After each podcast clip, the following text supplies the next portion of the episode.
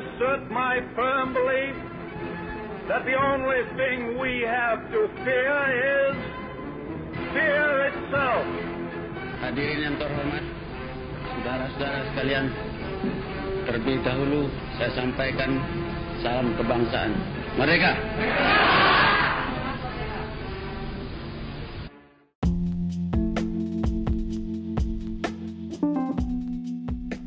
Bani Sirka, balik lagi bersama aku Sekar di Critical International Relation Podcast persembahan Inka Komahi UGM.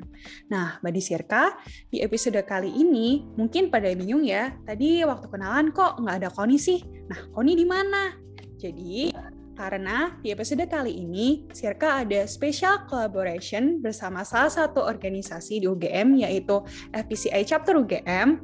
Aku bakal ditemenin sama teman aku nih dari RND-nya FPCI UGM, yaitu Noval. Hai Noval. Halo, halo Sekar. Oke, mungkin aku kenalan dulu kali ya? Iya, boleh, boleh. Pertama kali di sini. Oke, um, aku Noval. Aku dari Ilmu Ekonomi uh, tahun 2020 tapi walaupun aku dari ilmu ekonomi aku tertarik sama uh, bahasan-bahasan isu-isu politik internasional uh, makanya aku ikut FPCI UGM dan sampai sekarang aku uh, jadi uh, staff R&D di FPCI UGM. Keren. Nah, Nova kan tadi kamu bilang nih uh, kamu tertarik gitu sama bahasan-bahasan hubungan internasional. Nah, bahasan hubungan internasional apa sih ini yang bakal kita bahas di podcast kali ini? Nah, sebenarnya untuk podcast kali ini nih nggak terlalu hubungan internasional ya. Tetapi hmm. kita akan sebenarnya ada hubungannya sama uh, politik-politik internasional. Uh, tapi kita uh, sekarang mau bahas soal uh, perempuan. Nah, uh, pada podcast kali ini kita akan uh, membahas uh, bagaimana sih nasib perempuan uh, di Afghanistan ketika uh, terlibat mengambil kekuasaan Bali di Afghanistan gitu. Jadi kita bakal fokus ke soal perempuannya, kita nggak fokus ke soal uh, politik dan hubungan-hubungan internasional yang berkaitan dengan Afghanistan. Gitu sih. Wah, iya seru banget nih. Jadi buat recap ya di Siarka tentang hal perempuan di Afghanistan kemarin ini mungkin sempat rame ya setelah penguasaan Taliban. Karena mereka sebenarnya berjanji tuh untuk menghormati hak perempuan sesuai dengan syariat Islam. Mereka bilang juga bakal mendukung perempuan untuk pergi ke sekolah dan kembali bekerja.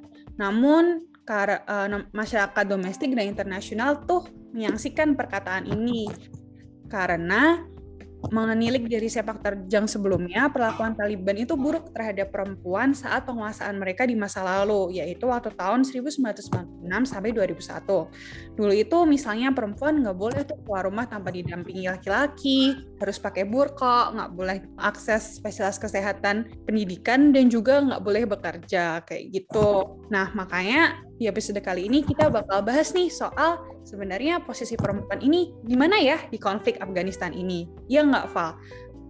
Ya, benar banget.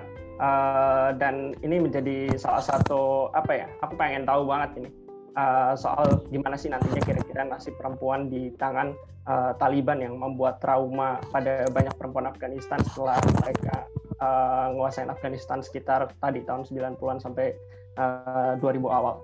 Nah, uh, dengan ini uh, makanya kita uh, ngedatengin pembicara yang uh, untuk membicarakan ini nih uh, kompeten dan capable lah. Ini dan tentunya bakal seru banget. Kita bakal mendapat wawasan-wawasan uh, baru soal gimana sih kira-kira uh, masa depan perempuan Afghanistan uh, di tangan Taliban ini.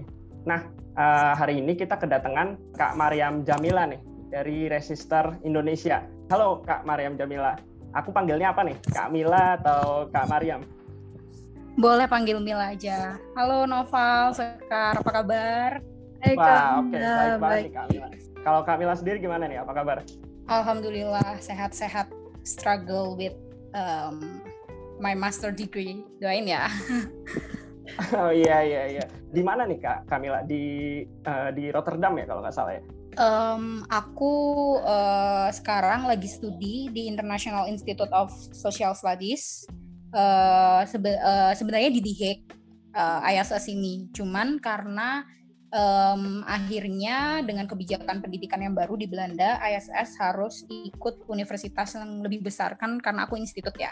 Akhirnya ISS sekarang jadi bagian dari Rotterdam University, Erasmus University of Rotterdam. Tapi lokasinya tetap di Den Haag. Oke oke oke semangat kak. Kalau nggak salah tinggal dikit lagi ya, tinggal sidang ya. Iya, tiga hari okay. lagi. waduh. Oke, waduh, waduh, deket banget. Semangat ya Kamila. Maaf ya kita jadi uh, ngerepotin nih buat Wah, podcast. gak apa-apa kok. Gak apa-apa. Okay, okay. Ini kan menyenangkan, hal-hal yang menyenangkan untuk dilakukan. Oke. Okay. Iya, benar banget, benar banget. Oke. Okay. Okay, okay. Gimana nih Val? Should we begin the conversation about Talib uh, about Afghanistan woman? Iya, iya. Iya. Oke. Okay. Kita mulai dari pertanyaan pertama ya, Kak. Jadi kan uh, di posisi konflik gitu, biasanya perempuan-perempuan itu perempuan dan anak-anak ya terutama itu jarang diperhatikan apalagi di konflik berskala geopolitis tinggi kayak Afghanistan ini. Nah, lalu sebenarnya selama ini posisi perempuan ini ada di mana sih di antara konflik antara Taliban dan pemerintah Afghanistan atau bahkan di pusaran geopolitik? Oke, okay, uh, eh, terima kasih sebelumnya untuk Sekar dan Naval. Um, sebenarnya uh, kalau misalnya kita bilang posisi perempuan dalam persoalan geopolitik yang terjadi di Afghanistan itu uh, kurang terlalu penting atau um, mungkin bisa dikatakan cukup subordinat, sebenarnya saya rasa justru hari ini posisi perempuan dan anak adalah menjadi posisi yang sangat krusial dan dibahas hampir di semua media atau di semua forum-forum diskusi. Ketika Amerika, ketika John Biden menyatakan bahwa dia akan mengangkat kaki dari uh, Afghanistan, hal pertama yang dipertanyakan adalah Lalu bagaimana posisi perempuan dan anak? Mengingat kalau misalnya kita uh, paham bahwa memang posisi anak dan perempuan itu cukup krusial dan cukup sangat dilindungi dalam situasi-situasi krisis dan konflik. Jadi sebenarnya hari ini kita malah cukup fokus.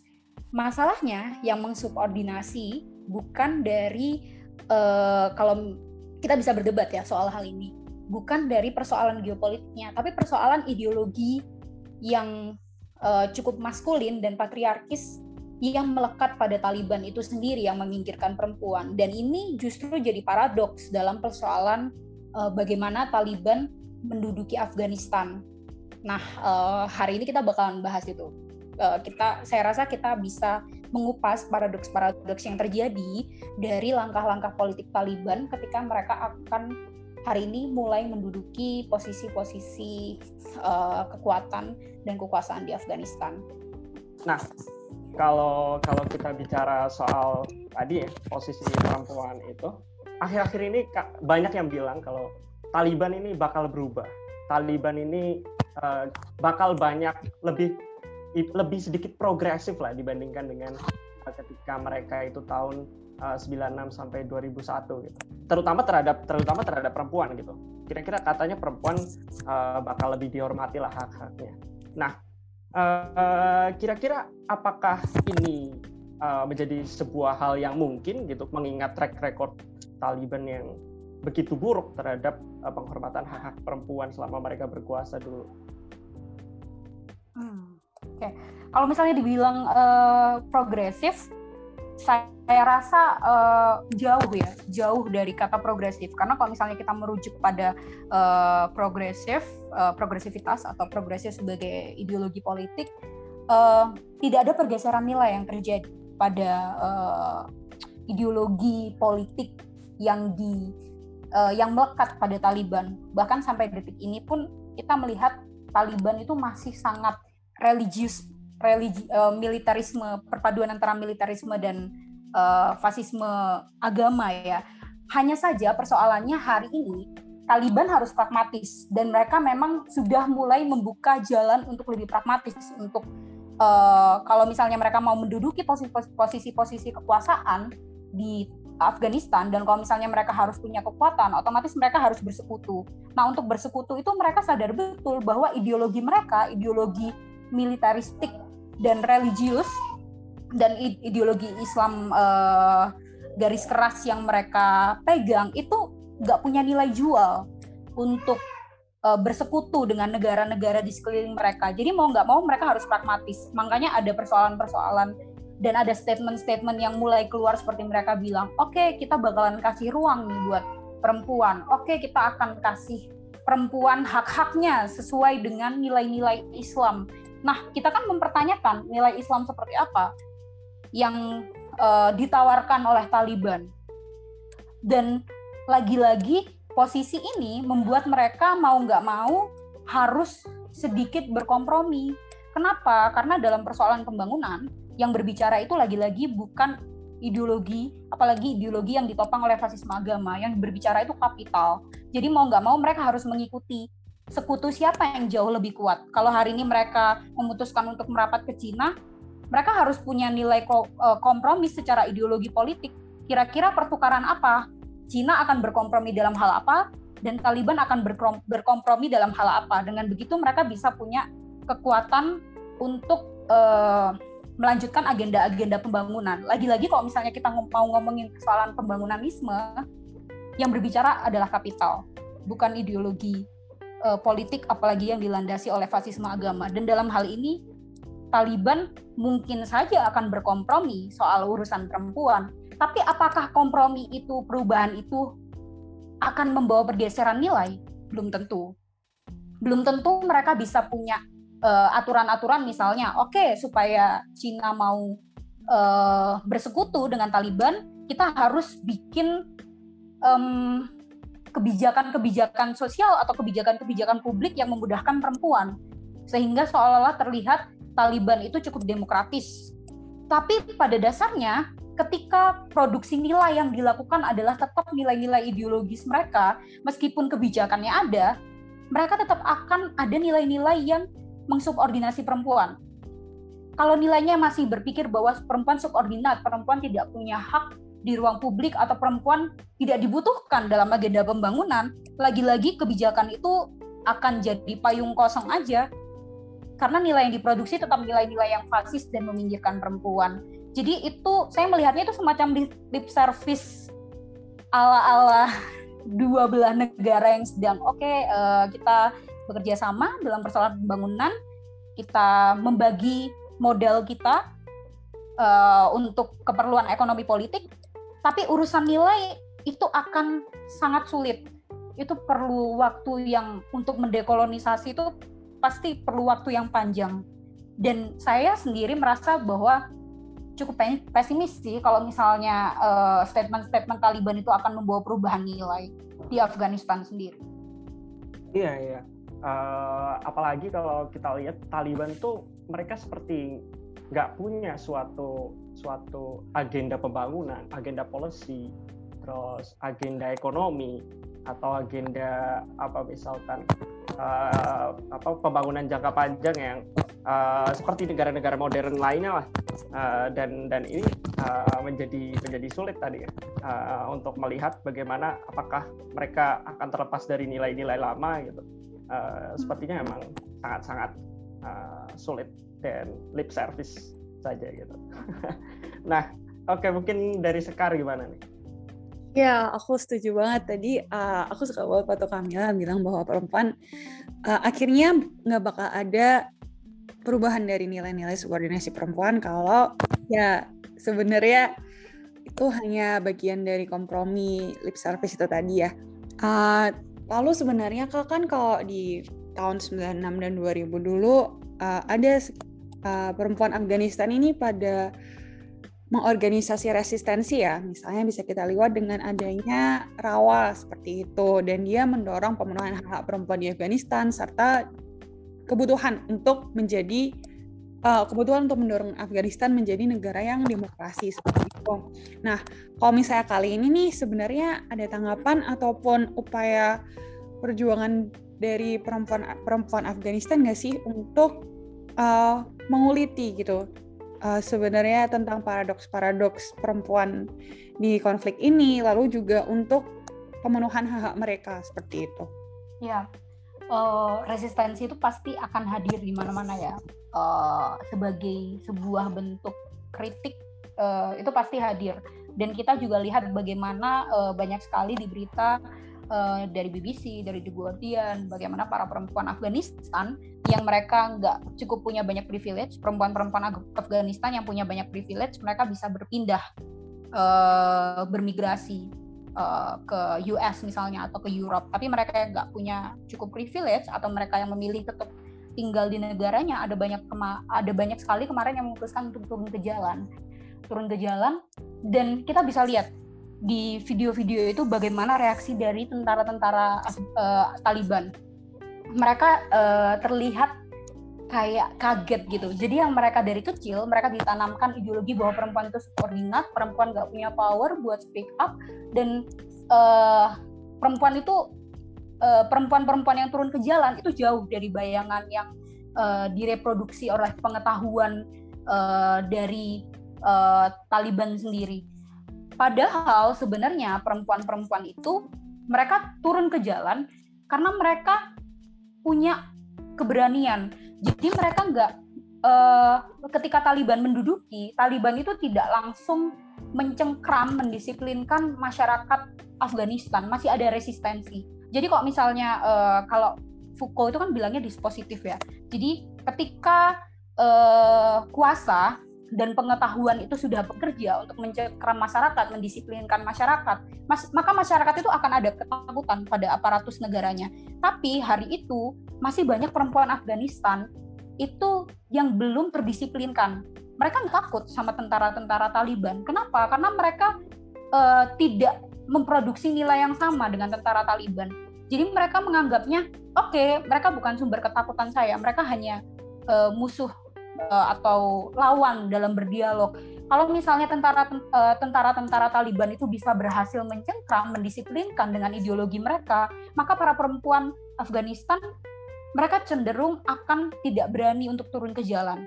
Tapi hari ini kita lihat bahwa bahkan dalam uh, aspek kuasa pengetahuan, pasukan Taliban belum punya kuasa uh, kuasa pengetahuan loh terhadap uh, para perempuan Afghanistan ini. Ya wajar karena mereka memang sudah berpuluh tahun mereka berada di bawah uh, kuasa Amerika, mereka um, tidak langsung menyerap nilai-nilai uh, nilai-nilai Islam uh, yang fasis dari tentara Taliban. Dan itu bikin mereka ngerasa oke okay, uh, kita masih punya hak buat ngomong. Kita masih bisa turun ke jalan. Dan itu jadi sebuah uh, resistensi itu jadi sebuah harapan sih jadi sebuah cahaya. Kalau misalnya uh, sebenarnya hari ini tentara Taliban mereka punya kuasa. Mereka punya kuasa di eh, gedung-gedung uh, pemerintahan, tapi secara pengetahuan mereka belum berhasil mendisiplinkan masyarakat. Nilai-nilainya belum sampai, nilai-nilainya belum uh, tereproduksi, dan masyarakat masih punya nilai yang liberal, liberatif. Mereka masih menganggap, oke okay, kami masih punya hak, dan di situ tentara Taliban mau nggak mau kalau misalnya mereka uh, ingin tetap mempertahankan kekuasaannya, mereka cuma ada dua cara. Yang satu caranya adalah bagaimana mendisiplinkan masyarakat, mendisiplinkan rakyatnya dengan nilai-nilai yang mereka mau, atau yang kedua mereka berkompromi. Berkompromi dengan cara menjanjikan, oke okay, kita akan kasih ruang, oke okay, kita akan kasih kebijakan kebijakan-kebijakan yang pro dengan perempuan. Perlahan-lahan kompromi itu tapi hari ini yang kita lihat bahwa pemerintah Taliban mulai berkompromi karena mereka sadar bahwa hari ini uh, cukup sulit kalau misalnya untuk mau mendisiplinkan masyarakat kembali ke nilai-nilai 20 atau puluhan tahun yang lalu. Jadi jalur kompromi itu dijadikan alat tidak hanya untuk mengait sekutu dari luar, sekutu-sekutu uh, geopolitik dari luar dengan China atau dengan negara-negara di sekelilingnya misalnya seperti upaya-upaya untuk berdamai dengan Pakistan, tapi mereka juga berusaha untuk menarik simpati dari masyarakat sendiri. Mereka berusaha untuk berkompromi bahwa misal eh, bahwa sebenarnya nilai-nilai yang mereka mereka punya itu bisa bisa cukup lentur loh, bisa ngasih ruang buat perempuan dengan syarat ABCD dan lain sebagainya. Tapi ini posisi transisi, bagaimana posisi kekuasaan baru, kekuasaan yang masih bayi berusaha untuk tumbuh berusaha untuk cari ruang dan ini akan jadi langkah yang panjang sih. Tapi kita masih posisinya hari ini kita masih nebak-nebak. Arahannya Taliban ini mau ke mana? Karena dari kemarin memang yang kita lihat adalah langkah-langkah Taliban ini mengejutkan terus-menerus mengejutkan dari yang akhirnya mereka uh, bersekutu atau terlihat cukup mesra dengan China atau akhirnya mereka cukup ter, uh, melunak berupaya terlihat melunak terhadap perempuan tapi kita harus lihat dulu apakah ini upaya untuk benar-benar berkompromi untuk terbuka atau ini upaya untuk berusaha melunak lebih dulu lalu mencengkram lebih jauh? Hmm, emang sifatnya masih sangat abu-abu gitu ya. Kita belum tahu. Uh, kira-kira ini uh, awal-awal sikap-sikap mereka nih awal-awal ini uh, arahnya ke mana gitu. Dan... Ya, uh, dan tadi menarik banget waktu Kak Mila point out bahwa sebenarnya dari sisi produksi pengetahuan itu Taliban belum bisa loh mencengkeram perempuan-perempuan ini untuk ikut ke nilai-nilai mereka. Karena ya mereka tidak ingin back down dari narasi yang telah mereka bangun bahwa ya perempuan tuh harusnya bisa loh ini atau we are kita tidak di sini untuk kembali jadi uh, sub apa ya disub disubordinatkan seperti itu. Dari novel ada pertanyaan? Kalau dari aku mungkin ini sih. Sebenarnya kalau kita lihat survei-survei itu orang Afghanistan tuh sebenarnya banyak yang lebih menentang Taliban gitu. Kayak, kayak kalau saya lihat ya, kayak uh, dari surveinya uh, uh, yang aku lihat dari Decision uh, Human Right gitu-gitu. Nah, mereka tuh uh, uh, menunjukkan kalau banyak orang Afghanistan yang sebenarnya menentang gitu represi terhadap perempuan. Dan apalagi kalau kita ngelihat ya perempuan di Afghanistan itu uh, adalah uh, harusnya dilihat sebagai hal yang sangat penting gitu bagi Taliban. Mengingat mereka uh, uh, banyak juga yang masuk ke dalam kategori angkatan kerja gitu. Uh, lumayan besar. Uh, jumlahnya uh, sekitar uh, sekitar berapa nih? Sekitar 20% lebih gitu. Dan ketika mereka merepresi perempuan berarti mereka akan kehilangan uh, jumlah angkatan kerja yang lumayan besar ini gitu. Dan ketika kehilangan ini uh, mereka merepresi dan timbul per, apa pengangguran yang cukup tinggi juga di perempuan nantinya. Nah kan ini bakal bakal sangat berpengaruh buruk ya terhadap pembangunan mereka. Kok mereka nggak bisa melihat ini gitu sebagai suatu peluang gitu harusnya mereka ya bareng-bareng bangun uh, negara antara laki-laki dan perempuan. Uh, tapi yang aku ingin tanyain nah sebenarnya ketika ketika apa namanya ketika banyak perempuan nanti misalkan uh, asumsi kita adalah nanti Taliban akan menjadi Taliban yang dulu gitu uh, perempuan dihilangkan haknya dan lain-lain uh, gimana sih uh, efeknya nantinya ke, ke ke mereka gitu apakah berdampak sangat buruk gitu bagi Afghanistan secara keseluruhan gitu uh, ketika mengingat mereka juga sebenarnya uh, apa namanya jumlah sebagai angkatan kerja dan lain-lainnya juga lumayan tinggi gitu. Gimana kak Mila? Oke, okay. uh, nah itu sebenarnya hari ini jadi internal isu juga yang terlihat dalam uh, internal Taliban sendiri dalam percakapan-percakapannya. Pemimpin-pemimpin Taliban mereka sudah memahami bagaimana kebutuhan uh, untuk agenda pembangunan. Hal-hal apa apa saja yang harus dicapai, hal-hal apa saja yang harus dilakukan untuk uh, berkoalisi dan bersekutu dengan uh, aktor-aktor pembangunan di sekeliling mereka. Nah, faktanya adalah bahwa Taliban itu organisasi yang reproduksi pengetahuannya itu dilakukan dengan doktrin dan dogma. Jadi eh, anak-anak laki-laki di Taliban itu dari kecil mereka disusupi oleh doktrin dan dogma yang terus-menerus dengan nilai-nilai yang kalau misalnya menurut kita cukup usang ya. Tapi eh, hari ini para uh, leader-leadernya, pemimpin-pemimpinnya menemukan fakta bahwa nilai-nilai itu sudah nggak relevan dan membantu. Nah, yang harus mereka lakukan adalah bagaimana mereka mengkoreksi pengetahuan-pengetahuan yang sudah mereka tanamkan secara dogmatis, eh, doktrin-doktrin yang sudah mereka berikan kepada anggota-anggota mereka yang masih muda-muda, yang pikirannya masih, oh perempuan haram di ruang publik. Padahal pemimpin-pemimpinnya merasa bahwa ya kalau misalnya ngomongin pembangunanisme, kita harus nurut apa kata pasar dan hari ini pasar gak cuman butuh laki-laki, pasar juga butuh perempuan, pasar juga butuh inklusivitas, dan pasar meminta itu. Dan lagi-lagi akhirnya ini akan jadi PR kalau misalnya memang Taliban ingin melakukan kompromi dan ingin merubah nilai mereka sedikit demi sedikit, mereka juga harus melakukan itu secara internal. Pengetahuan pengetahuan di internal mereka juga harus digeser dan dirubah secara pelan-pelan entah itu kita kita tahu bahwa itu tujuannya pragmatis pasti. Atas nama pembangunan tujuannya pasti akan sangat pragmatis.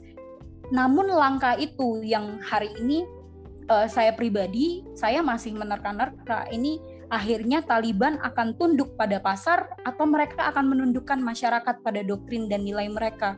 Nilai-nilai yang uh, militaristik dan nilai-nilai yang berlandaskan pada fasisme agama.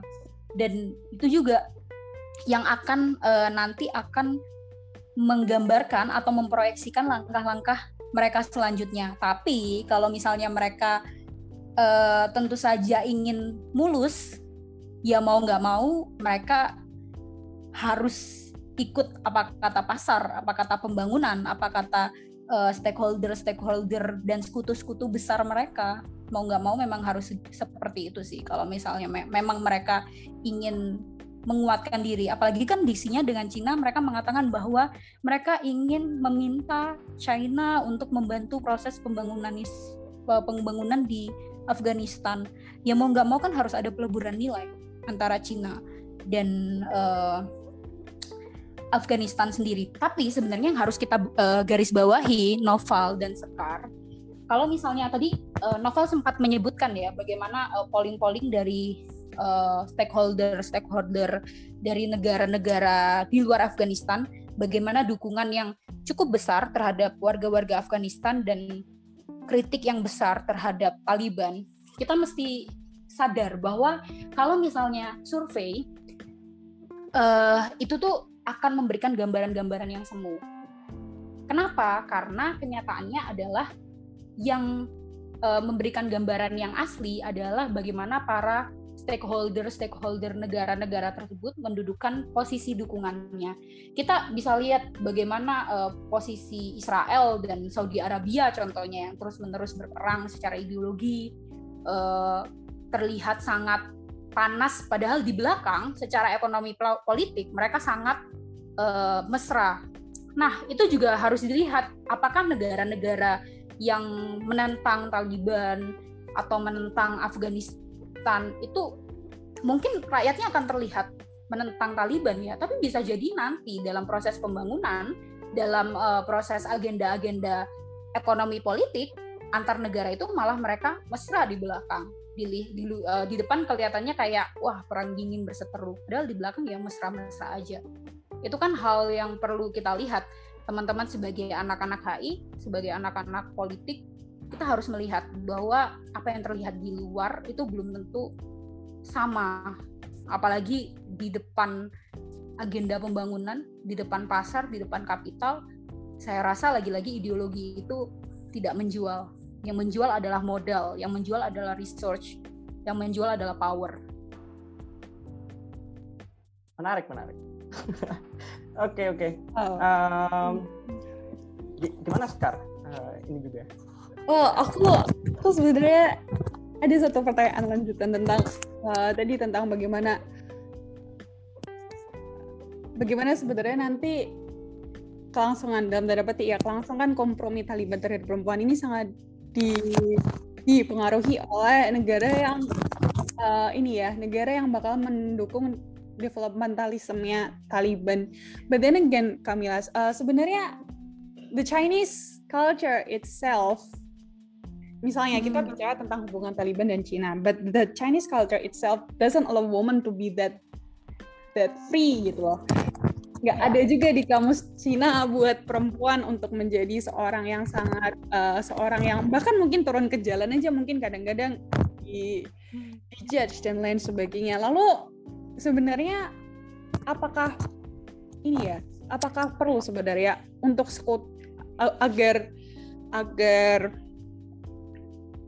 nasib perempuan ini bisa lebih baik lagi di bawah Taliban itu untuk negara-negara seperti apa ya negara-negara yang lebih dalam tanda petik udah lebih liberal gitu untuk lebih apa ya ber bersekutu lagi ber, berpihak lagi kepada Taliban demi untuk me menghasilkan kompromi yang lebih besar buat uh, perempuan dan uh, masyarakat sipil lainnya gitu.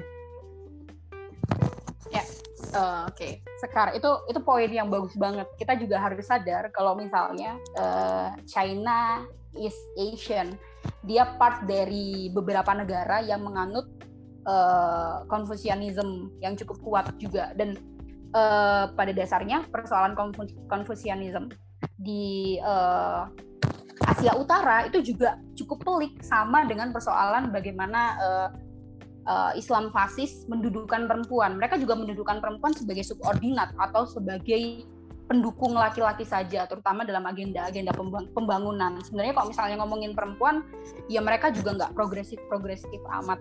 Dan lagi-lagi kalau misalnya hari ini yang terlihat adalah uh, Afghanistan dan uh, yang di leading oleh Taliban merapat ke, uh, ke China, kalau misalnya mereka uh, punya ideologi-ideologi yang cukup berbeda, mereka akan berkompromi. Tapi kalau misalnya ideologinya ya nggak terlalu beda, misalnya oke okay, kalau misalnya kebijakan kita beri ruang buat perempuan, tapi kan nilai tetap berbicara.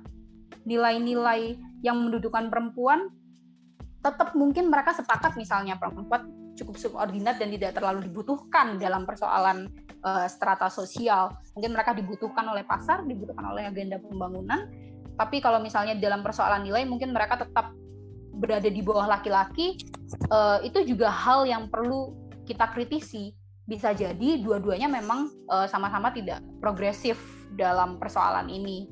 Tapi kan lagi-lagi kita harus memisahkan antara ideologi nilai uh, ideologi sosial dan ideologi yang menggerakkan ekonomi politik.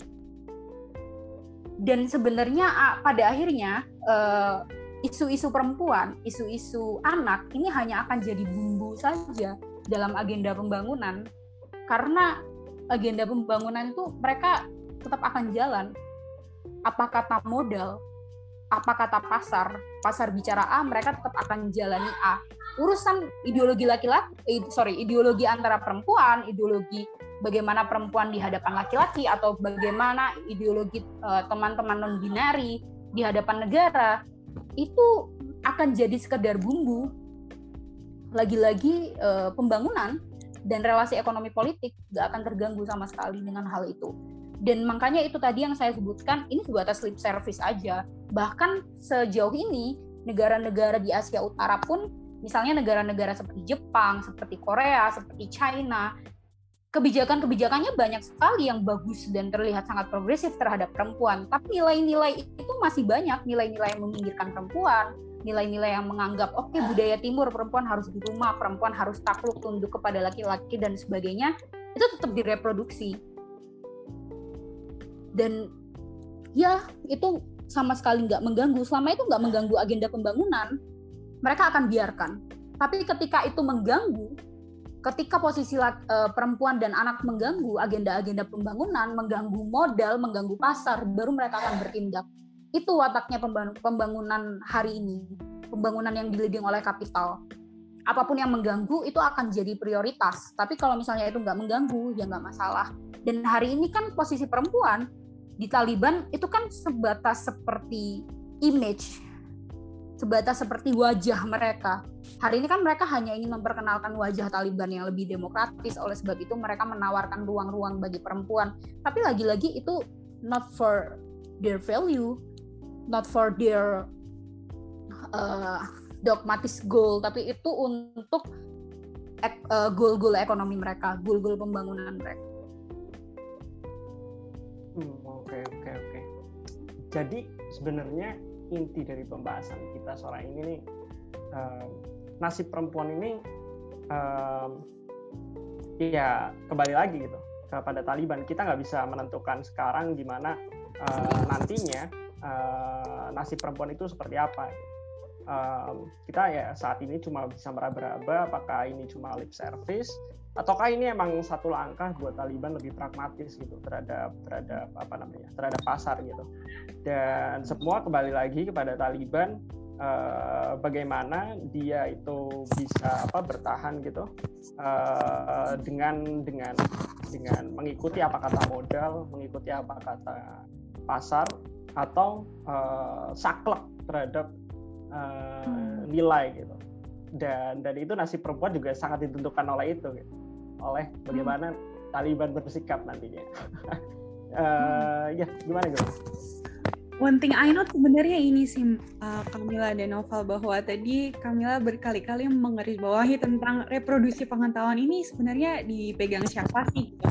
Dan dari sini mungkin aku bisa menyimpulkan bahwa selama reproduksi pengetahuan itu masih dipegang oleh uh, para lelaki yang memegang nilai-nilai religius, aktivisme agama dan patriarki ya it will always be lip service gitu. Maupun di depannya bilang A mau bilang bahwa perempuan sekarang kita bakal menunjukkan wajah demokrasi Taliban yang baru, wajah Taliban yang lebih menghormati perempuan. But at the end, reproduksi pengetahuan itu masih dipegang. Siapa sih? Reproduksi pengetahuan itu? Masih ada di siapa gitu. Dan reproduksi pengetahuan ini kebetulan nggak satu arah juga bahwa perempuan Afghanistan masih memegang reproduksi nilai yang berbeda gitu. Sehingga uh, masih ada celah untuk mengubah reproduksi pengetahuan yang ada di negara gitu. Bagaimana akhirnya idealisme itu nanti bisa diubah dengan perempuan keep resisting gitu kalau menurut aku ya mbak kayak uh, hmm. bagaimana resistensi ini kemudian bisa hadir dan bisa membentuk uh, take over the narration of the country seperti itu. Oh, dari Kamila ada yang uh, seperti closing remark-nya gitu, Kak? Sebenarnya akan ada, uh, kalau misalnya Taliban mau menunjukkan keseriusan mereka untuk memberikan ruang untuk perempuan agak lebih progresif dan perempuan tidak stagnan seperti yang mereka janjikan, itu sebenarnya caranya salah satunya adalah kalau mereka berani membagi kursi kekuasaan atau membagi kekuasaan kepada perempuan itu bisa jadi sebuah remake ya. Maksudnya even meskipun itu hanya sekedar wajah, oh wajah representasi perempuan menduduki kekuasaan, itu akan memberikan dampak yang cukup besar kepada masyarakat. Tapi hari ini kita lihat kira-kira uh, dalam langkah beberapa tahun ke depan Taliban mau nggak kasih kursi kekuasaan kepada perempuan? Kalau misalnya ternyata nggak ada sama sekali, kursi-kursi kekuasaan masih dipegang oleh eh, laki-laki, uh, stakeholdernya masih laki-laki, bahkan ketika mereka bilang perempuan sudah boleh kerja, perempuan sudah boleh sekolah, iya sama aja karena perempuan nggak punya akses terhadap kekuasaan. Karena hari ini kita ngomongin soal kekuasaan. Kalau misalnya kita ngomongin geopolitik, kita bakalan uh, lagi-lagi balik ke kata kuasa itu. Dan satu lagi uh, sebenarnya um, ngomongin soal uh, yang tadi saya bilang pembangunan, watak pembangunan dan Taliban juga sadar banget dengan hal itu. Mereka hanya akan mengikuti uh, mana yang mengganggu secara langsung dalam proses pembangunanisme. Kalau misalnya masyarakat sipil bisa mengganggu Taliban, mereka bisa mengganggu uh, menyuarakan keinginan-keinginan mereka, misalnya perempuan mau apa namanya ingin uh, suaranya didengar dengan menutup akses-akses pembangunan. Saya bicara misalnya akses-akses produksi uh, akses-akses terhadap alat produksi misalnya misalnya mereka berdemo di jalur produksi dan distribusi besar itu mereka kan mengganggu proses kapital mereka mengganggu proses pembangunan. Di situ bisa didengar. Nah itu cara kerja masyarakat. Dan kalau misalnya mereka bisa melihat itu peluang-peluang itu masyarakat sipilnya itu ada peluang. Ada peluang yang cukup besar. Dan lagi-lagi saya rasa hak untuk sekolah dan hak untuk belajar itu nggak cukup hak untuk uh, punya akses terhadap kekuasaan juga penting bagi perempuan. Dan Taliban kalau mereka mau membuktikan bahwa mereka memang pro terhadap kemajuan perempuan, ya mereka harus membagi. Tapi masalahnya iya atau tidak itu akan jadi hasilnya apakah mereka hanya lip service atau mereka memang benar-benar ingin merubah nilai mereka sayangnya di di awal-awal ini kita emang belum lihat ya uh, Kamila uh, soal hmm. gimana pembagian kekuasaan ini ke, ke perempuan. Bahkan Kementerian perempuan yang udah ada di rezim sebelumnya diganti jadi kementerian amal ma'ruf nahi mungkir nahi mungkar kalau nggak salah ya. Iya. Ya gitulah. Oke okay. uh, eh, menarik banget bahasan kita buat sore hari ini. Dan uh, semoga ini bisa lah nambah wawasan kita soal um, gimana nih kira-kira? Apakah perempuan uh, masih ada harapan gitu di di tengah ketidakpastian ini? Uh, apakah perempuan uh, masih bisa apa terpenuhi hak-haknya ketika melihat uh, satu uh, rezim yang cukup misoginis? Uh, yeah. dan ya kembali lagi nanti kepada bagaimana mereka melihat uh, pasar pembangunan dan lain-lain tadi. Oke, okay, uh, makasih banget nih buat uh, Mbak Mila buat uh, apa obrolannya sore hari ini ya, Mbak Mila. Uh, semoga pemaparan tadi bisa bikin body cerca kita lihat konflik ini dari sisi yang lain. Ada yang lebih penting daripada power, power, power soal apa hubungan power dan lain-lain. Tapi ada yang lebih penting yaitu uh, soal gimana nasib perempuan uh, yang makin terjepit gitu uh, di tengah konflik ini. Ya, makasih banget buat Mbak Mila buat sore ini hari ini. Thank you juga buat Sekar dan Noval buat diskusinya menyenangkan. Terima Oke, kasih menyenangkan banget. Nah, semangat buat ujian ininya tesisnya. Thank you kalian yes, juga ya lancar-lancar kuliahnya. Iya, iya. siap. Oke. Okay. Oke, okay, kalau gitu mungkin kita akhiri aja ya podcast kali ini ya. Yes. Eh, tapi sebelum aku akhiri mungkin aku bakal uh, promosi dikit soal uh, podcast juga ya di organisasi itu di FDCI itu ada yang namanya iTrack Diplomacy uh, podcastnya FDCI dan kalian bisa dengerin itu di Spotify gitu. Nah, udah itu aja sih mungkin dari aku makasih banget buat kesempatannya ikut ngobrol-ngobrol di sini.